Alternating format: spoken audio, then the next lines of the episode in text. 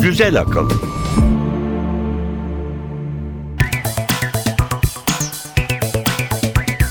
Güzel Akıl 27. bölüme hoş geldiniz. Ben Emre Üç Kardeşler. Ben Elif Yılmaz. Şimdi kısa bir tanıtımımız var. Nelerden bahsedeceğiz, gündemde neler var onu bir dinleyelim. Güzel akılda bu hafta. Çiçek mi, sandal ağacı mı? Rengi mavi mi olsun, sarı mı? Yoksa hepsinin toplamı olan beyaz koku mu? En sevdiğiniz koku hangisi? Gözümüz aydın. Orta yaş krizi diye bir şey gerçekten varmış. Kanıtı hayatlarından memnun olmayan insansı maymunlar. Arkadaşlarınızın beyninizin anormal çalıştığına ilişkin tacizlerinden bıktınız mı? Boş verin. Einstein'inki de öyle. İşte size beyninizi temize çıkarma fırsatı. Isındık, ısınıyoruz, ısınacağız. Sera gazı salımı konusunda topyekün sınıfta kaldığımızın resmidir. Teknik arıza için 3'ü, ana menüye dönmek için 9'u tuşlayın. Bu sıkıcı sesi duymak istemiyorsanız bir SMS atın gitsin. Depremden, selden, kasırgadan sağ kurtulduysanız yakınlarınıza haber vermeyi istemek en doğal hakkınız. Peki ya yıkılan baz istasyonları, kopan iletişim kabloları buna izin vermiyorsa? İnternetin efendisi kim? Hangi devlet, hangi kurum internet kullanımı konusunda nasıl bir yetkiye sahip olacak? Bunu kim belirleyecek? Bilgisayarınız uçacak. Veriye veri demeyeceksiniz. Kuantum bilgisayarlar sağ olsun. Üstelik istediğiniz şifreli veriyi de gönderebileceksiniz. Bilim ve teknoloji tarihinde bu hafta neler oldu? Cahillikler Köşesi ve bir portre. James Watson kimdi? DNA'ya kafayı neden takmıştı? Francis Crick'le birlikte ortaya attığı keşif neydi? Herkesi şaşırtan hangi talihsiz açıklamalarda bulunmuştu? Güzel akıl. Bilim haberleriyle başlayalım. Belki henüz kimsenin favori parfümü olamadı ama beyaz koku üretildi. İsrail'deki Weizmann Bilim Enstitüsü'nde Noam Sobel ve meslektaşları beyaz ışık var, beyaz ses de var. E neden beyaz koku üretmeyelim dediler. Beyaz ışık görünür ışığın tüm farklı dalga boylarının kabaca eşit şiddette bir araya gelmesiyle beyaz ses ya da gürültü de eşit kuvvetteki farklı ses frekanslarının saçılımı ile elde ediliyor. Bu bilgilerden hareketle ekip eşit keskinlikteki farklı kokulardan bir karışım yapabilirsek beyaz koku elde edebiliriz dedi. Parfüm üretiminde yaygın olarak kullanılan ve hepsi farklı tek bir molekülden oluşan 86 kokuyu aldılar. Eşit keskinlikte olmaları için seyrelttiler. Daha sonra birden 43'e kadar koku içeren karışımlar ürettiler. Bu karışımları koklayan katılımcılardan karışım çiftlerinden birbirine en yakın kokuları oylamaları istendi. İçlerindeki bileşenlerin hiçbiri aynı olmadığı halde birbirine en yakın bulunanlar en fazla koku içeren iki karışım oldu. Fakat yine de fark hissedilebiliyordu. Bunun üzerine ekip 40 bileşenli 4 farklı karışım yaptı ve hepsine Lorax adı verilip her biri bir katılımcıya tahsis edildi. Yani herkesin bir parfümü olmuş. 4 gün sonra katılımcılar 23 karışım arasından kendi Lorax'larını ayırt edebildiler. Ama bazen 30'dan fazla bileşenli bazı karışımların Lorax olup olmadığı konusunda tereddüt yaşadılar. Cardiff Üniversitesi'nden sinir bilimci Tim Jacob, koku alma sistemimizde her bir reseptörün farklı bir moleküler kokuyu algıladığını, dolayısıyla beyaz kokunun varlığının mantıklı olduğunu söylüyor. Ne işe yarayacak peki bu beyaz koku? Ne işe yarayacak? Belki dünyanın en hoş kokusu olmayacak ama istenmeyen kokuları bastırmada birebir olacağı söyleniyor. Oo, su kesintilerinde belki belediye dağıtabilecek sonra kalka. Olabilir musluklardan beyaz koku tıslar. İkinci haberimiz hayvanlarla ilgili. Aslında bizi de ilgilendiriyor tabii do- doğrudan doğruya. Orta yaş krizi diye bir şey gerçekten varmış gözümüz aydın. Belki havai gömlekler giyip kırmızı spor araba diye tutturmuyorlar ya da hayata yeni bir başlangıç hevesiyle kek pasta aşçılığına soyunmuyorlar ama şempanze ve orangutanlarda da orta yaş krizi görülüyor. Edinburgh Üniversitesi'nden araştırmacılar hayvanat bahçeleri, hayvan barınakları ve araştırma merkezlerinde yaşayan 508 insansı maymunla bir çalışma yaptılar. 20 ve 30 yaşlarındaki hayvanlarda da tıpkı insanlarda olduğu gibi yaş ilerledikçe memnuniyetsizlik emareleri saptandı. İnsansı maymunlarda da gençlik yılları kendini iyi hissederek orta yaş maalesef memnuniyetsizlik ve ihtiyarlık yine iyi hislerle geçiyor. Bu grafiğe U eğrisi diyor bilim insanları. Araştırma ekibinin başındaki Alexander Weiss, insansı maymunların da insanlar gibi toplumsal baskı ve stres faktörleriyle karşı karşıya kaldığını, insanlarla aralarındaki benzerliğin genetiğin ve fizyolojinin ötesinde olduğunu belirtti. Şempanze ve orangutanlarla yapılan bu çalışmayla insanlarda baskın olan eğitim, gelir düzeyi ve toplumsal konum ya da durum gibi etkenler çıkarıldığında bu U eğrisinin aynı kaldığı gösterilmiş oldu. Tabi hayvanlar insanlar gibi para pul mal mülk peşine düşmüyor orta yaşa gelince ama yine de bazı istekler hiç değişmiyor. Mesela Tahmin edeceğini düşünüyordum ama onlar da daha fazla dişiyle çiftleşmek geliyorum. daha fazla dişiyle çiftleşmek ya da daha fazla kaynağın kontrolünü ele geçirmek istiyorlar. Bu çalışma orta yaş krizi diye bir şeyin kesinlikle biyolojik ve fizyolojik faktörlerle de açıklanabileceğinin gösterilmesi açısından önemli oldu. İlginç. Kadın ve erkek maymunlar arasında fark var mı acaba? E, kadınlar da tabii daha fazla kaynağa sahip olmak istiyorlar ama erkekler de daha baskın. Hmm. Evet, üçüncü haberimize geçelim. Einstein'la ilgili. Albert Einstein'ın beyni belki de insanlık tarihi boyunca en fazla merak edilen organ. Otopsisini yapan doktor Thomas Harvey ailesinin izni olmadan Einstein'ın beynini çıkarmış parçalara ayırıp saklamıştı. Aile ancak bilimsel araştırmalarda kullanılmak üzere beyni saklamasına izin vermişti sonradan. Harvey'nin ve beynin kesitlerini inceleyen başka bilim insanlarının incelemeleri sonucunda Einstein'ın beynindeki farklılıkların bir kısmı saptanmıştı. Bunlardan daha önce Albert Einstein'ı portre kısmında incelerken bahsetmiştik ama tekrar edelim. Buna göre glia hücreleri denen ve beyinde asıl sinir hücrelerini destekleyen hücreler beynin sol yarısında olması gerekenden daha fazla. Sinir hücreleri normalden sıkı biçimde paketlenmiş Çelik gibi sinirleri var. Evet ve beyinde matematiksel düşünce ve akıl yürütme ile ilgili bölgelerde normalde yer alan bazı girintiler bulunmuyor. Böylece o bölgedeki sinir hücrelerinin birbirleriyle daha rahat haberleştiği düşünülüyor.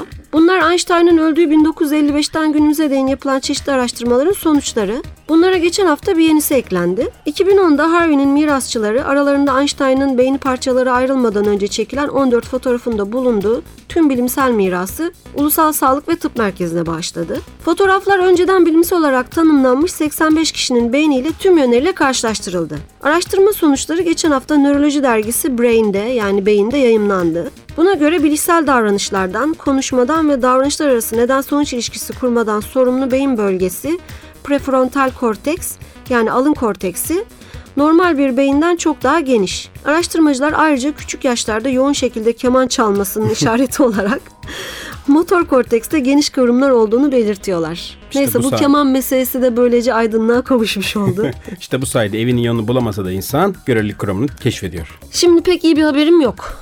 Dünya ısınıyor, evdeki hesaplar atmosfere uymuyor maalesef. Birleşmiş Milletler Çevre Programı'nın son raporuna göre tehlikenin kucağına doğru dolu dizgin koşuyoruz. Dünyanın ortalama sıcaklığını endüstri dönemi öncesi düzeyden 2 santigrat derece yukarıda sabitlemek için küresel sera gazı salımının 2020'de 44 gigatonda zirve yapıp sonra düşmesi gerektiği hesaplanıyor. Düşecek mi? Düşmeyecek maalesef. Rapor hesaptan epeyce saptığımızı ve 2020'de bu miktardan 8 ila 13 gigaton fazla salım miktarını göreceğimizi söylüyor. Diyelim ki bu ülkeler sorumluluklarını yerine getirmezler, salınım miktarını taahhütleri doğrultusunda azaltmazlarsa gerçekleşecek. Ama en iyi senaryoya göre bile 8 gigaton fazlamız olacak. Çok sıkı önlemler alınmazsa 100 yılın sonunda 4 santigrat derecelik sıcaklık artışının kaçınılmaz olduğunu söylüyor Edinburgh Uluslararası Çevre ve Gelişme Enstitüsü'nden Simon Anderson. Aynı uyarı bu hafta yayımlanan Dünya Bankası raporunda da tekrarlandı. Çok ciddi sıcaklık dalgalarıyla, sellerle ve kuraklıkla karşılaşmak istemiyorsak ülkeler üzerlerine düşen sorumlulukları yerine getirmeli, karbon piyasası derhal gerekli önlemleri almalı. Tabi söyleniyor söyleniyor, bir kulaktan giriyor öbüründen çıkıyor ama Yapılanlar çok yetersiz. evet söylemiş. 8-10 gigaton ateşten gömlek. Şimdi bir şarkı arası verelim. Ne çalacaksın bize? Bu kadar sıcaklıktan bahsettik. O zaman bir ta 1948 yılında bizi bu konuda uyaran bir şarkıyla devam edelim. Bir Cole Porter şarkısında Ella Fitzgerald'ı dinliyoruz. Too Darn Hot.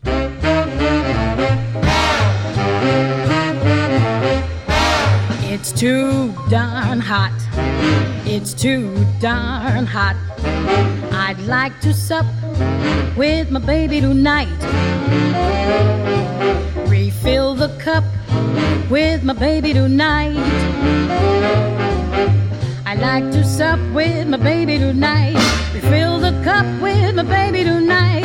But I ain't up to my baby tonight, cause it's too darn hot. It's too darn hot. It's too darn hot. I'd like to cool with my baby tonight Güzel akıl. Pitch the woo with my baby tonight. I'd like to coo with my baby tonight and pitch the woo with my baby tonight. But brother, you fight my baby tonight cause it's too darn hot.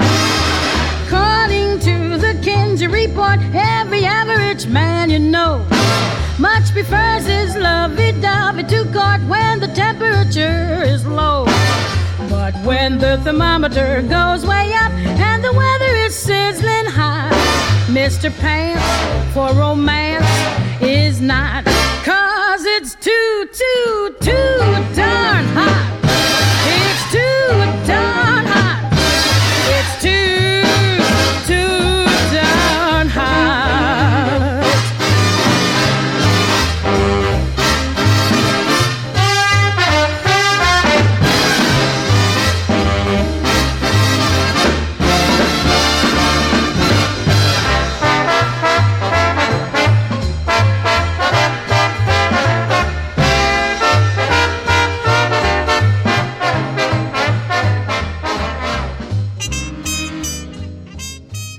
Güzel akıl. Teknoloji haberleriyle devam edelim Emre. İlk iki haberimiz iletişim.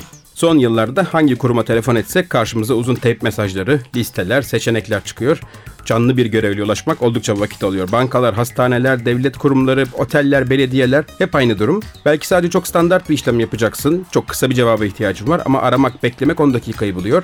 Hele bir de yanlış tuşa basmışsan her şey sil baştan. Pek çok kişi de bu labirentte kaybolunca hizmet alamadan kızıp telefonu kapatıyor. Kurumların online hizmetleri var ama bu hizmetler de her zaman herkese ulaşılabilir değil ya da her an elin altında bilgisayar da yok. İşte yeni bir yöntem çıkmış bu sorunla baş etmek için. Ne yapıyorsun? Ne yapıyoruz? Mesaj mı atıyoruz? Evet SMS. SMS oldukça ucuz bir teknoloji, kolay. Çok karışık bir altyapıya da ihtiyacı yok. Ama SMS kısaltmaları geçerli mi? SLM, MRB falan yazabilecek miyiz acaba? Olabilir deneyelim. Özel bir programda bu tabi sıfırdan bir SMS yazmak şekli değil ama bu hizmete kurumlar iyi olup SMS ile verebilecekleri bilgileri, servisleri programın kütüğüne, fihristine kaydettiriyorlar. Kullanıcılar da akıllı telefonlarındaki uygulamayla ilgili şirketi, oteli, hastaneyi neyse bulup oradan istediği hizmeti seçip ve de notunu da ekleyip şirkete SMS atıyor ve ortalama 5-10 dakika içinde geri dönüş olduğu görülmüş ilk denemelerde. Ne kadar çok şirket, otel vesaire buna dahil olursa o kadar hızlı servis olacak tabi. Bu sisteme üye olan şirketlerin hızlı artacağı tahmin ediliyor çünkü pek çok kişi telefonda 10 dakika beklemek yerine birkaç dakikada bir SMS yazıp sonra sonucu almayı tercih ediyor. Ya belki şirketler için, kurumlar için işlerini kolaylaştırıcı bir uygulamadır bu telefonda bekletme meselesi ama kullanıcıyı gerçekten canından bezdiriyor. Sevindim bu teknolojiye ben. Evet. İkinci haberimiz gün geçmiyor ki kasırga, tayfun, tsunami, deprem haberi duymayalım. Maalesef. Bir, bir kısmı küresel ısınmaya da bağlı bu doğal felaketlerde özellikle güçlü atmosferik olaylarda büyük artışlar var.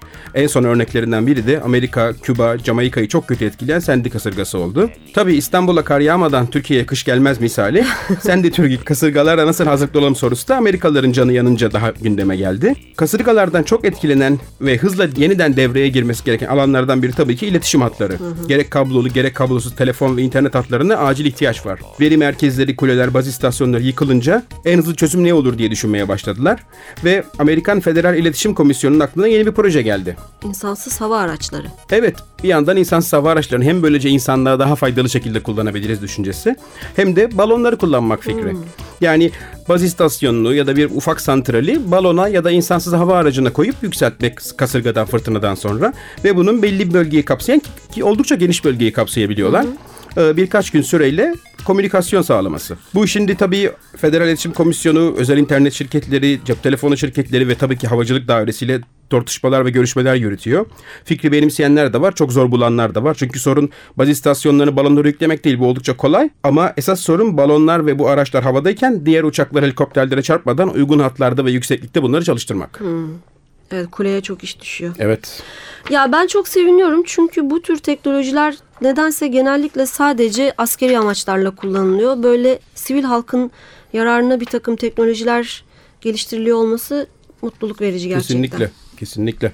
Evet üçüncü haberimiz. Üçüncü haberimiz Dubai'den. Yakında Dubai'de büyük bir konferans var. 3-14 Aralık tarihleri arasında Birleşmiş Milletler gözetiminde Dünya Telekomünikasyon İnternet Konferansı.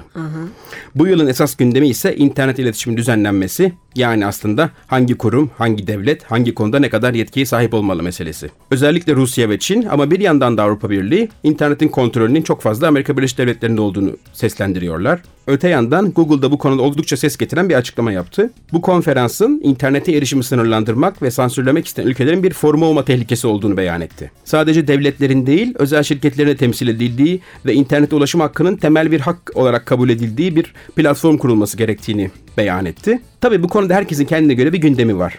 İnternet kısıtlamalarıyla bilinen ülkelerin bu konferansı pek sevip benimsemiş olmaları bazı insanları oldukça ürküttü. Ama görünen o ki şu anda aslında bu konuda en az sesi duyulanlar internet en çok kullanan bireyler.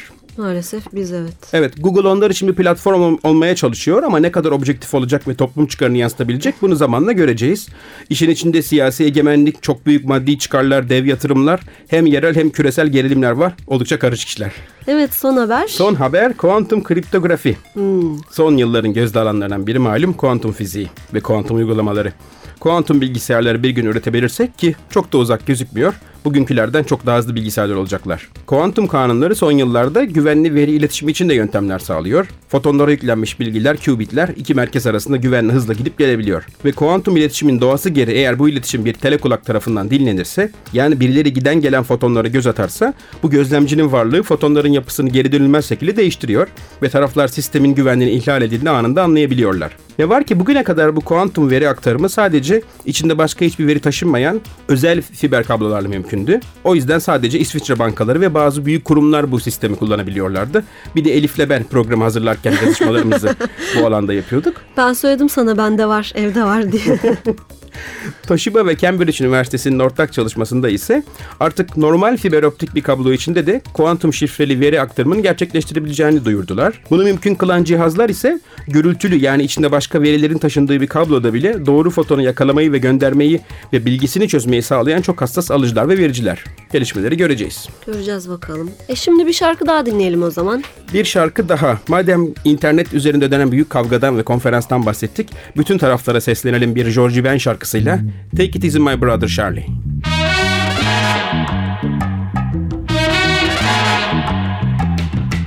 Take it easy, my brother Charlie. Take it easy, meu irmão de cor. Take it easy, my brother Charlie. Take it easy, meu irmão de cor. Pois a rosa é uma flor, a rosa é uma cor, a rosa é um nome de mulher. Rosa é a flor da simpatia, a flor escolhida no dia do primeiro encontro do nosso dia com a vida querida, com a vida mais garrida. Take it easy, Charlie. Take it easy, my brother Charlie. Take it easy, meu irmão de cor. Take it easy, my brother Charlie. Take it meu irmão de cor. Depois que o primeiro homem maravilhosamente pisou na lua, eu me senti com direitos, com princípios e dignidade de me libertar. Por isso, sem preconceito, eu canto, eu canto a fantasia, eu canto o amor, eu canto a alegria, eu canto a fé, eu canto a paz, eu canto a sugestão, eu canto na madrugada.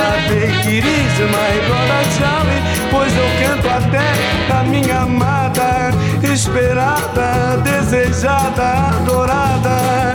Tem queríssima e flora chave, tem queríssimo meu limão de cor, tem queríssima e flora chave.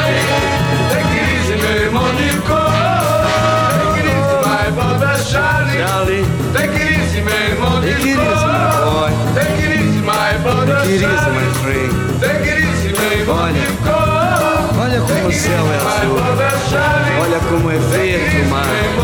Olha que sol bonito chama. Ele queria ser mais forte. Ele queria ser mais frente. Tenha calma, meu amigo.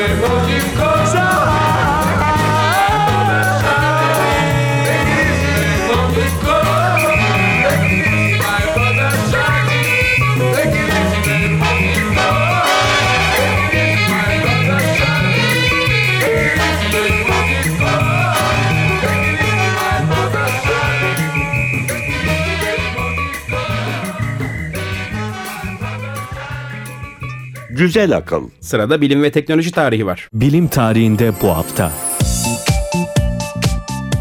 19 Kasım 1861. Amerika'dan Avrupa'ya ilk petrol ihracatı gerçekleştirildi.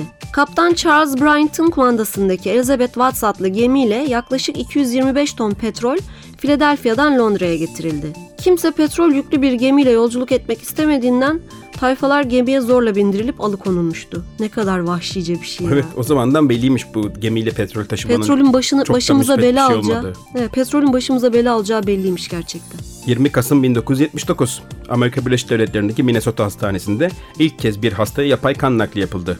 Hasta bir Yahova şahidiydi ve inancı gereği gerçek kan naklini reddetmişti. 21 Kasım 1846. Anestezi sözcüğü ilk kez Oliver Wendell Holmes tarafından William Thomas Green Morton'a yazılan mektupta kullanıldı. Morton, eterin ağrı kesici etkisini bir halk gösterisiyle gösteren ilk cerrahtı. Anestezi sözcüğü Yunanca hissetmeden anlamına geliyordu. Bak çok ilginç 150 yıldır kullanıyoruz bu anestezi ürünlerini. Aslında hala tam olarak nasıl işlediği bilinmiyor. Son yapılan bazı çalışmalarda anestezi ilaçlarının aslında hipopotamamus'taki potasyum iletkenliğini azaltarak çalıştığı saptanmış. Ama hala da çok emin değiller. 22 Kasım 1983. Son merdaneli çamaşır makinesi Amerika Birleşik Devletleri'nde üretildi. Elle idare edilen Master Model E ilk kez 1930'da Maytag Company tarafından piyasaya sürülmüştü. Tabii Türkiye'de 90'ların ortalarına kadar hatta 2000'lerin başına kadar banyoların ban- Vazgeçilmezi. Evet vazgeçilmeziydi. 23 Kasım 1964. Doktor Michael E. Dibecki ilk başarılı koroner arter bypass ameliyatını gerçekleştirdi. 24 Kasım 1859. Charles Darwin o güne kadar kabul edilmiş tüm bilimsel yaklaşımları yerle bir eden evrim kuramından bahsettiği tüm zamanların en çok tartışma yaratan meşhur kitabı Türlerin Kökenini yayımladı. 25 Kasım 1922. Arkeolog Howard Carter, Tutankamon'un Krallar Vadisi'ndeki mezarına giden iki geçitten ilkini açmayı başardı. Ertesi gün ikinci geçidi de açtılar. Tutankamon'un mezarı diğer firavun mezarlarından farklı olarak çok sıradan ve gösterişsizdi. Belki de bu sayede yağmalanmaktan kurtulmuş ve bulunan en iyi korunmuş firavun mezarı olmuştu. Şimdi sırada cahillikler köşesi var onu dinleyelim. Cahillikler köşesi. Kollar ve bacaklar neden uyuşur? Bu tamamen sinirseldir. Kolların uyuşmasının bazı uzuvlardaki yetersiz kan dolaşımıyla alakası yoktur. Daha çok kolların beslenmemesiyle ilgilidir. Üst kol ve koltuk altındaki sinir ağrılarının baskı görmesi sonucu kollar beslenemez ve uyuşma hissi yaratır. Özellikle uyku sonrasında görülen bu karıncalanma ilk anlarda hissedilmez ve bir süre sonra geçici hassasiyet bozukluğuna yol açabilir.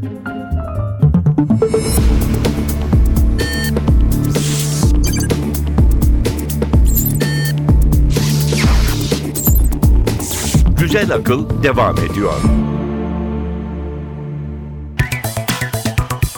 Bu hafta portre köşemizde James Watson'ı konuşacağız. Canlılığın en derinlerinde saklanan sırrı gözler önüne sermeyi başaran şifre kırıcı, görüp görebileceğimiz en mükemmel sarmal yapıyı insanlığa armağan eden genetikçi. İlhamını kuşlardan alan iflah olmaz zoolog. Gözle görülemeyen, elle tutulamayan bir hayalin peşinde yılmadan, usanmadan koşan azimli biyolog. Ömrünün ikinci baharında yaptığı talihsiz açıklamalar yüzünden belki de en verimli dönemini yarattığı tartışmalarla boğuşarak geçirmiş, kafası karışık bilim insanı. James Watson'dan konuşmaya devam edeceğiz ama önce kısa bir şarkı dinleyelim. Freiburger Barak Orkestrası'ndan kısa bir Vivaldi yorumu dinliyoruz.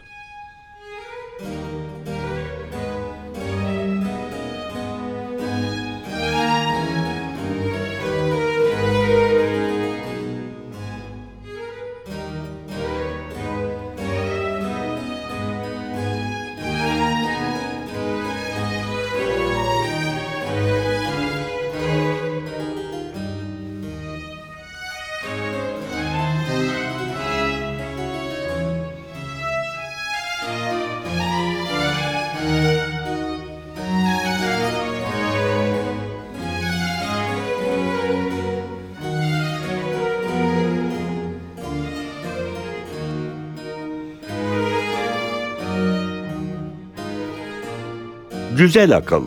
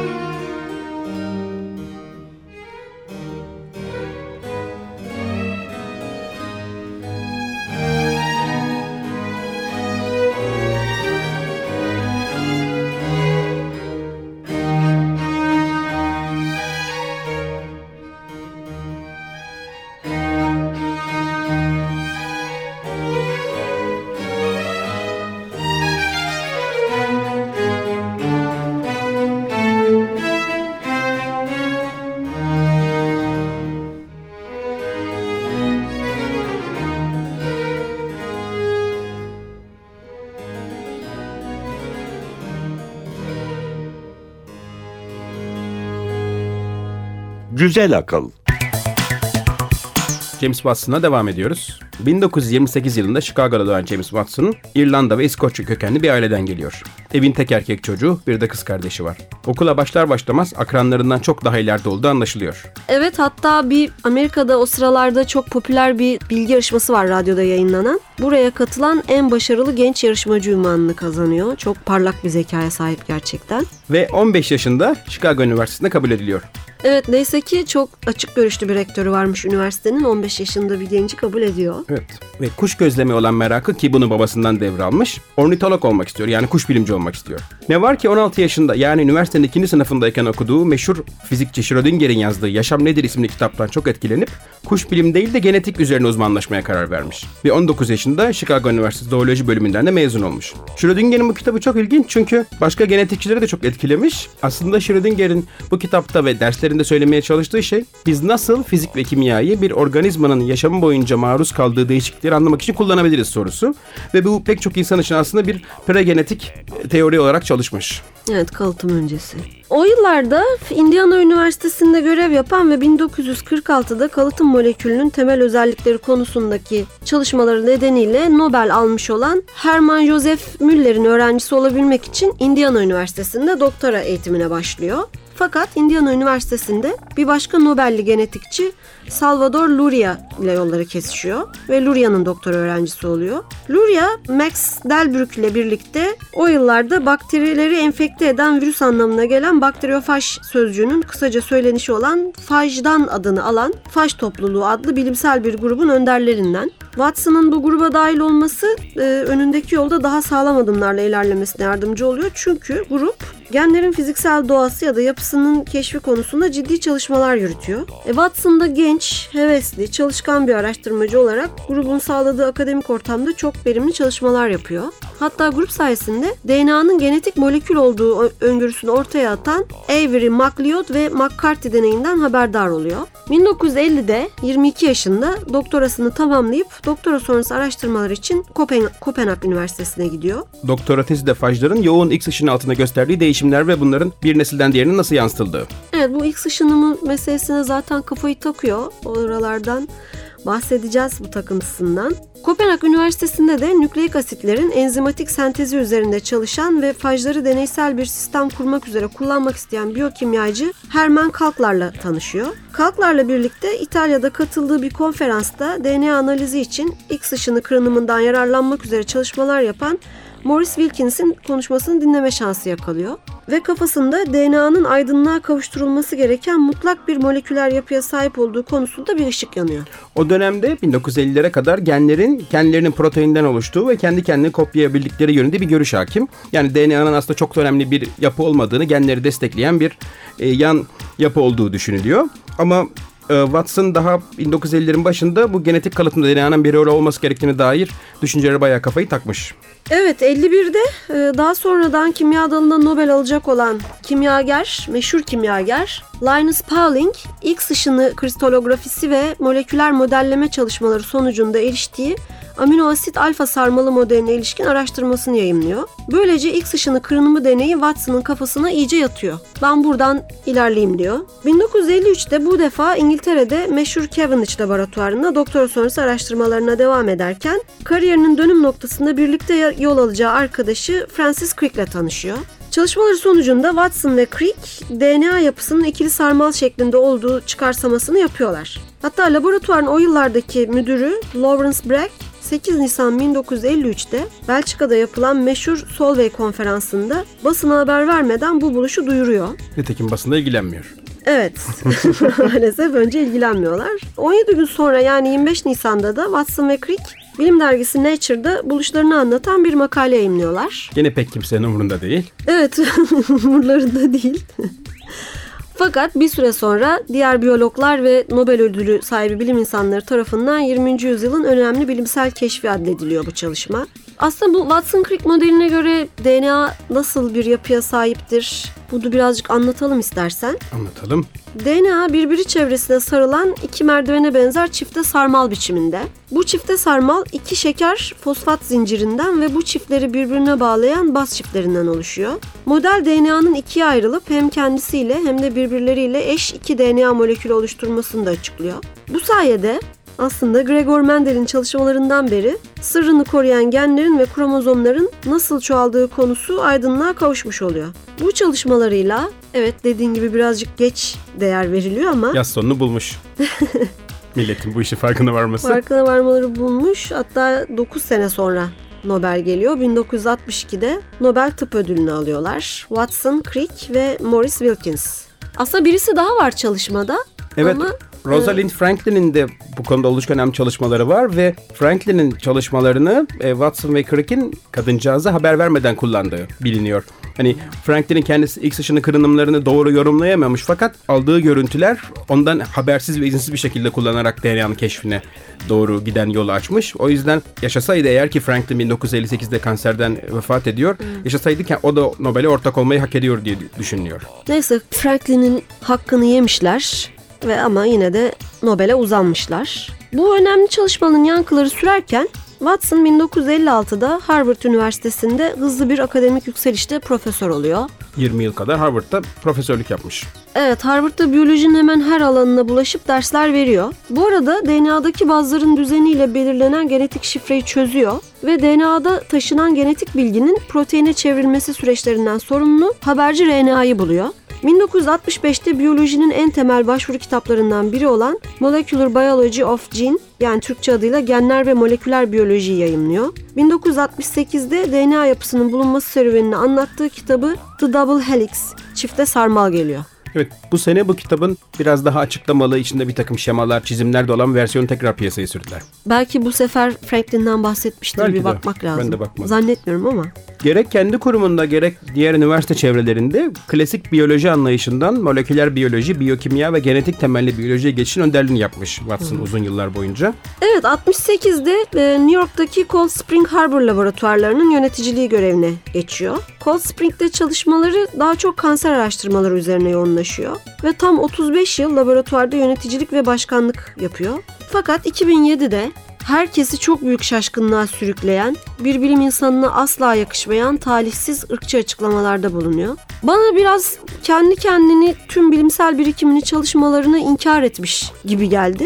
Evet diğer bilim insanı arkadaşlar da en çok buna bozulmuşlar zaten. Hani bugünkü modern gen biliminin söylediklerine tamamen ters bir argümanda bulunuyor Evet çünkü. yani düşünsene tüm insanların kalıtsal şifresini aynı moleküler yapının taşıdığına en yakından tanık olmuş bir insan ırkçı olamaz gibi geliyor bana. Hani akli dengesinde bir Evet bir sorun olmuş röportajda herhalde. e, Watson bir röportajda siyahların beyazlar kadar akıllı olduğu varsayımıyla var olan sosyal politikalar yaratılıyor diyor ve bu tabii çok ortalığı karıştıran Hmm. çok talihsiz ırkçı bir beyan olarak tarihe geçti. E, zaten laboratuvarın yönetim kurulu da böyle düşünmüş olacak ki Görevden el çektirilir. evet senin dinlenme vaktin gelmiş diyorlar ve laboratuvardaki görevi böylece sona eriyor. Fakat bu talihsiz dönemden önce yine çok başarılı çalışmalara imza atıyor. E, hatta önemli çalışmalarda yer alıyor. Bunların en, en ünlüsü de e, İnsan Genomu Projesi. 1990-92 arasında Amerikan Ulusal Sağlık Enstitüsü'nce yürütülen İnsan Genomu Projesi'de başkanlık ediyor. Daha sonradan da yani çalışmanın yayını olarak gen dizilimiyle ilgili ünlü makalede de adı ikinci isim olarak geçiyor. Evet, yani gen- çalışmaya çok büyük katkıları olmuş gerçekten. Tüm gen dizimi yapılan ilk kişilerden de biri galiba Watson. Aslında garip bak bu siyahlarla ilgili falan söylediklerinin yanı sıra garip muhalif bir kişiliği de var. En azından gençliğinde kimi toplumsal olaylarda aktif rol alıyor. Örneğin Harvard'dayken 12 Hoca ile birlikte Vietnam Savaşı'na karşı olduklarını açıklayan bildirgeyi imzalıyor. 1975'te nükleer silahlanmaya karşı olduğunu açıklıyor. Ama sonradan böyle garip bir düşünce geliştirmiş herhalde ve onu da maalesef açıklamaktan çekinmemiş. Evet Aldığı ödüller, şeref nişanları ve fahri doktora ünvanları sayısız. evet, sayısız buradan sayamayacağız gerçekten. Ama çok başarılı olmuş. Sayesinde çok önemli, canlılıkla ilgili çok önemli bilgilere eriştik. Canlılığın şifresiyle ilgili önemli çalışmalarda başkalarına da liderlik etti. James Watson bugün 84 yaşında e, hala aktif olarak bilimsel çalışmalarını sürdürüyor. Çeşitli ülkelerde, üniversitelerde konferanslar veriyor. Umarım bu kadar değerli bilimsel çalışmaya gölge düşüren fikirlerinden vazgeçtiğini yine kendi ağzından duyabiliriz bir gün. Evet. O zaman bize Watson'ı da hatırlatan bir şarkıyla kapatalım. Geldi mi programın sonu? People Are Strange'in çok ilginç bir yorumunu dinliyoruz Bob Brosman'dan. Hoşçakalın. Hoşçakalın.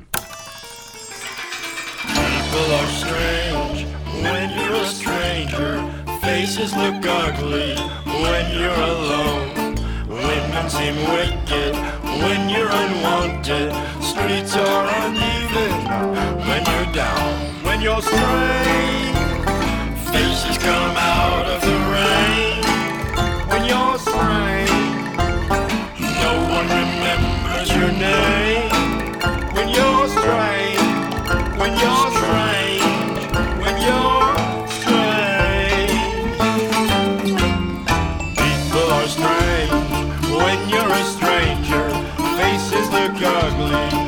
When you're alone. Women seem wicked when you're unwanted. Streets are uneven when you're down.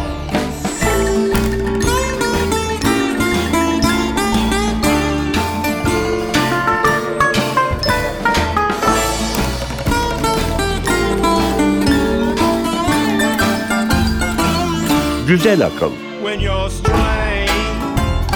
Faces come out of the